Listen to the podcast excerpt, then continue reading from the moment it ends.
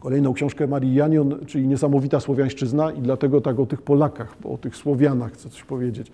E, zauważcie Państwo, że e, nie chodzi o to, żeby niszczyć Słowian albo żeby coś tutaj e, poniżać, wywyższać, no, kierunek jest dość dowolny, ale czy jest możliwe to, żeby dojść do czegoś pewnego o tych Słowianach? Też nie. No, zaczyna być trochę niepewny teren, bo jeżeli ujawnimy wszystkie fantazmaty, to czy w zamiast tych fantazmatów potrafimy pokazać coś, co jest pewnikiem? No, nie za bardzo.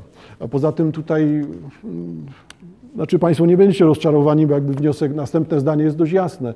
No, wartością jest właśnie to, że nie ma tych pewników. Pewnikiem jest to, że nie ma pewników. I, i przynajmniej mamy jakiś pewnik. No, to nie jest złe. To nie jest złe, tylko nie ma też tego złudzenia. Nie, nie ma tego złudzenia takiego, że muszę umrzeć za najświętszą ojczyznę, no bo się tu urodziłem, wyjścia nie ma. No muszę. No taki jest los Polaka. No, jakiekolwiek myślenie takie, nie? Albo jaki jest los Polki. No, Wdowa, wdowa no, pochodzi na te groby nie, i płacze za dziećmi, które też zginęły za ojczyznę. No, taki jest model, jak Państwo wiecie, przynajmniej taki model rzeczywiście na wskroś romantyczny. No więc jeden i drugi chyba jest taki żaden, bo ja nie mam zamiaru odpukać na razie. Nie mam zamiaru umierać za ojczyznę. Nikt mi, mam nadzieję, że nikt mi takiego wyboru nie da. E, no i ciąg dalszy podobnie. E, ciekawa sprawa z tej książki. E, stara się, stara się tutaj Maria Janion wyjaśnić, jak to z tą słowiańszczyzną jest. Zainteresowanych odsyłam do tekstu.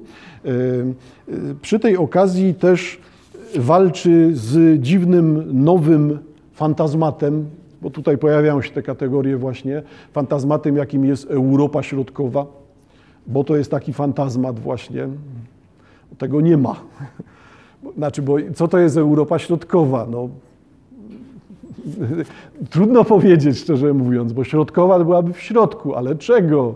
Jak to policzyć, jak to pokazać? Nie? I nagle się okazuje, że dla tych, którzy lubią to określenie Europa Środkowa, to wychodzi, że tam lecimy prosto Słowiańszczyzna, tam Polska, Słowacja, Czechy, Ukraina, Białoruś Środkowa. E, no ale w tej środkowej to się nagle, ląduje, nagle lądują też Austriacy, Węgrzy. No to środkowa, nie, nie za dużo tego wszystkiego naraz, po prostu wyraźnie to się rozchodzi. E, Janion na prostym przykładzie, książka trochę późniejsza, 2006 rok, e, pokazuje, na czym polega to budowanie złudzeń i na czym te złudzenia stają się albo fundamentem, albo bardzo wyraźnym elementem konstrukcji, jak nie fundamentem, że bez tego się nie obywamy to staje się czymś, co nas określa, czymś, co pomaga żyć. Wierzymy w to, że Polska należy do Europy Środkowej, bo jak nagle byśmy y, no jednak uznali to, że należymy do wschodniej, to dla nas zaczyna zgrzytać, bo co to, Polacy, Rosjanie, Białorusini, wszyscy do wschodniej, to my też, a my tymczasem jesteśmy zachodni Słowianie, nie wschodni Słowianie. Ciekawe, kto to rozróżnia na zachodzie, że Słowianie są wschodni, zachodni, południowi. I północnych się trochę znajdzie. No ale, ale widać, na czym to przekonanie o fantazmacie e, polega, no, że po prostu tak właśnie jest, w to się e, wierzy. Teraz zauważcie Państwo, że w samym tłumaczeniu tego bycia Słowianinem pojawiają się dziwności, ponieważ dla części ludzi, patrz Mickiewicz, będziemy, będziemy narodem jako Słowianie słowa. Słowianie, a w zasadzie Sławianie. No ale zaraz wyjaśnię też drugie. E, Słowianie, czyli ci, którzy obracają się wokół słowa i słusznie Państwo domniemacie, że chodzi tu o Słowo Boże, o Biblię, obracanie się w kręgu wiary i teraz zauważcie, jak się układa nagle ciąg rzeczywistości, tylko teraz właśnie mówię to po to, żeby uzmysłowić Państwu, czy to jest rzeczywistość że przekonanie o tym, że Polaka definiuje przynależność do chrześcijaństwa, do religii, czytanie Biblii, zajmowanie się słowem, należenie do ludu słowa, ludu księgi, ludu Bożego. Zauważcie Państwo, jak dużo tego słyszycie teraz. To czy to w takim razie jest prawda, czy jest konwencja, jak wolicie, no, czyli układ fantazmatów. Tak sobie to wyobrażam, tak wyobrażam, tak wyobrażam, a wszyscy w to wierzymy, więc to jest świat. I mamy ciąg fantazmatów. W drugą stronę to odwracamy. E, podobna e, wersja, powtarzam za Janią teraz, e, podobna wersja tłumaczenia słowiańszczyzny to jest zwracanie uwagi nie na Słowian, tylko Sławian. I w tym momencie ci Sławianie to będą ci, którzy są wielcy, dumni, silni i wszystko dla sławy robią. Co też pasuje i układa się w inny zbiór opowieści, w inny zbiór tych znaczków naszych, czyli dalej ten zbiór fantazmatów. I też można w to wierzyć. I zauważcie Państwo, jak wielu ludzi w to wierzy. Silna, mocna, bohaterska, to jest to, co definiuje słowiańszczyznę. My Słowianie, ja wiem, że my lubimy sielanki, to też korzystała z tego e, Janion, e, ale Janion też dorzuca tą trzecią opcję, no bo ta trzecia opcja to jednak jest slaw albo sklaw, a z zewnątrz na to patrząc to rab, niewolnik. I tutaj wyjaśnienie to trzecie jest, jak widać, z tak innej bajki, że, że się nam coś zaczyna walić.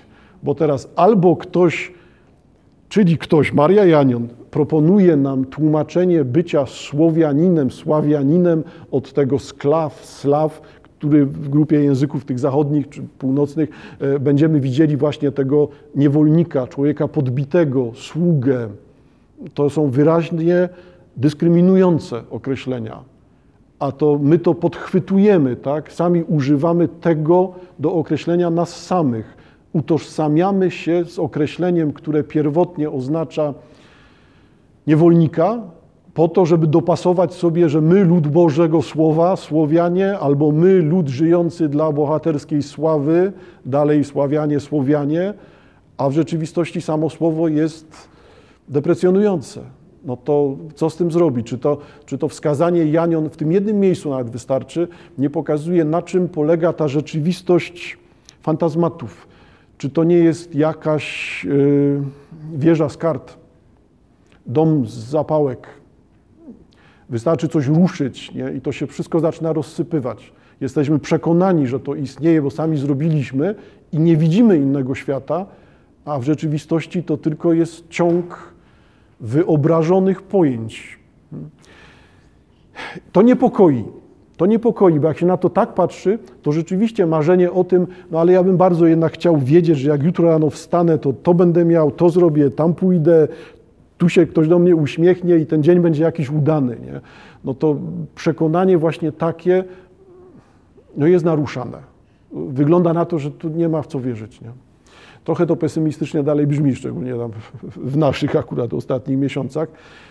To nie chodzi o tego typu pesymizm. Tu bardziej chodzi o to, żeby uznać to, co tu jest wartością. Zauważcie Państwo, że jak już dotrzemy do tego, że tak to wygląda, oswoimy się z tym, że ten brak pewników albo pełna umowność wszystkiego, to, to że coś jest pewne, jest umowne, to jest tylko ciąg złudzeń, e, no to, to jest dobre miejsce na to, żeby jednak dojść do czegoś innego, że nie jest tak źle, no to jest ciąg złudzenia. No to trzeba sobie dać z tym radę. To jestem jednak ja, jako osoba, ktoś określony, który przez te złudzenia się przedziera.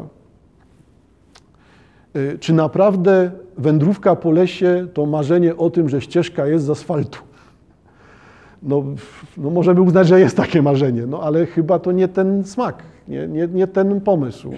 Wobec tego to, że się przedzieram przez las i jest w górę, w dół, mokro, sucho i wali mi się coś na głowę i jeżyny mi rozrywają ubranie, no to wcale nie oznacza, że po co ja się tu pchałem idiota jeden. No to nie ten odbiór, tylko no, taką mamy specyfikę. Jak nie chciałem tego doświadczać, trzeba było nie zaczynać.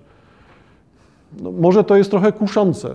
Ja, wiecie Państwo, do, do znudzenia używałem tego przykładu wcześniej. Czy można e, człowiekowi, który e, pije wino za 2,50 zazdrościć, że mu to sprawia przyjemność? No, może można. Jemu to sprawia przyjemność. No. Piłby lepsze, to byśmy mu przyjemność odebrali. Już nigdy nie piłby wina za 2,50 z taką radością, z jaką to robi. No, no to może to jest wartość ale trochę bym się też zawahał, nie? bo jednak uważam, że y, warto chociaż za 8. no jest, już, jest już coś, gdzieś tam w Lidlu wyprzedaż, jest już coś, no warto. Nie? Dla mnie samego jednak zostanie na tym, że ponieważ mi jest dobrze, to, tak, to, to jest ten sposób myślenia, tu jest dobrze, tu jest ciepło, tu się będę rozmnażał, nie, no to nieporozumienie. Janion nigdy w tym miejscu nie stanęła. Ona jednak zawsze pokazuje, że owszem, jest trudno, jest źle i to wszystko się może zawalić na głowę. Jak masz tyle książek i ci pęknie podłoga, to ciekawe, co zrobisz. Nie, bo co na to architekt i wytrzymałość stropów w normalnym mieszkaniu. E, albo chodzisz pomiędzy tymi regałami, jeszcze ci spadnie książka na głowę i będzie finał.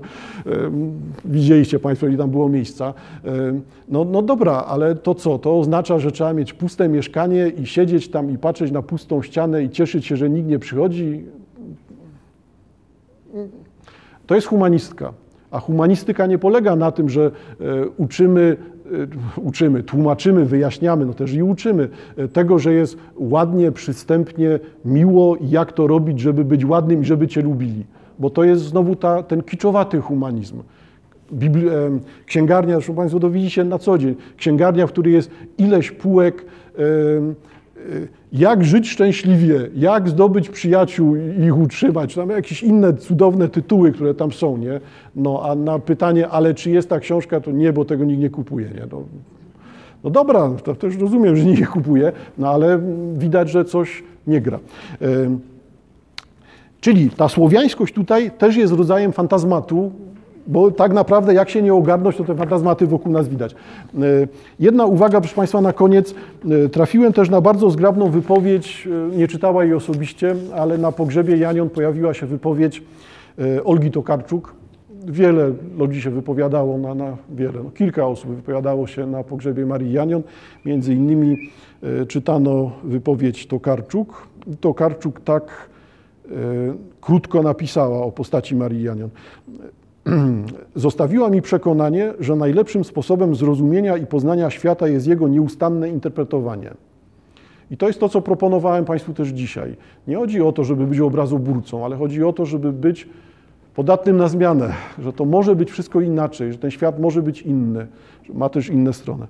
E, czyli poznania świata jest jego nieustanne interpretowanie, zaglądanie w głąb i czytanie na wielu poziomach że w całej jego złożoności jesteśmy w stanie go ogarnąć, tylko poszukując różnych punktów widzenia.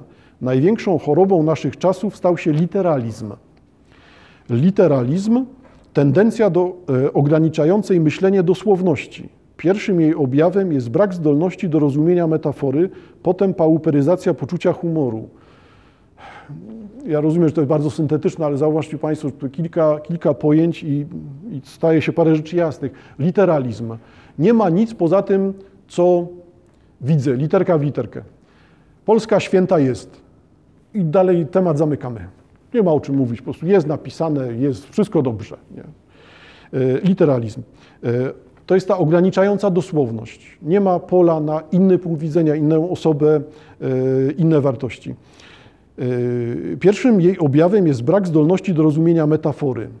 Ludzie nastawieni są na dosłowność, nie widzą, że coś znaczy, że coś znaczy, że coś znaczy. Czyli patrząc na jeden przedmiot, można dojść do bardzo wielu sensów. Patrząc na drobiazg, można odnaleźć cały świat w jednym drobiazgu. I to, to wielokrotnie sama Tokarczuk proponuje. Nie opowiada uniwersalnych opowieści o ludzkości, tylko opowiada o jednej osobie, ale w jednej sytuacji, w jednej osobie stara się pokazać coś charakterystycznego dla wielu osób dla wszystkich można zaryzykować. No a potem e, pauperyzacja poczucia humoru, czyli mamy tylko ten humor typu Fredek Kiepski. To jest ten finał, nie ma nic więcej. Nie? Jest tylko to. Towarzyszy jej skłonność do wydawania ostrych, pochopnych sądów, nie, nie toleruje niejednoznaczności, nie rozumie ironii i w końcu powoduje powrót dogmatyzmu i fundamentalizmu. I to już zaczyna brzmieć groźnie, że jeżeli nie ma tego pomysłu na tego otwarcia na niepokój, tej jednak otwarcia na to, że świat może być inny niż sobie wyobrażam. To nie znaczy gorszy, po prostu inny. Dla innego człowieka inny, no to mamy tylko dogmatyzm i fundamentalizm. Polska święta jest, kropka, i w to wszyscy wierzą, a jak nie, to nie są Polakami. Jak nie jesteś Polakiem, to to nie jesteś człowiekiem, bo wszyscy ludzie są Polakami, bo wszyscy ludzie są dobrzy, no więc są Polakami, bo nikim innym. No, przejaskrawiam rzecz jasna, no ale to pokazuje ten model myślenia. Tylko dogmatyzm, tylko fundamentalizm. Zaczyna być źle. Literalizm nie rozumie ani literatury, ani takiej chwili, że brzmi źle. Z czego, proszę Państwa, ja się cieszę? No, że te książki są y, i że tyle rzeczy można w nich poodkrywać. Także przynajmniej zobaczcie Państwo jakiś fragment naprawdę warty.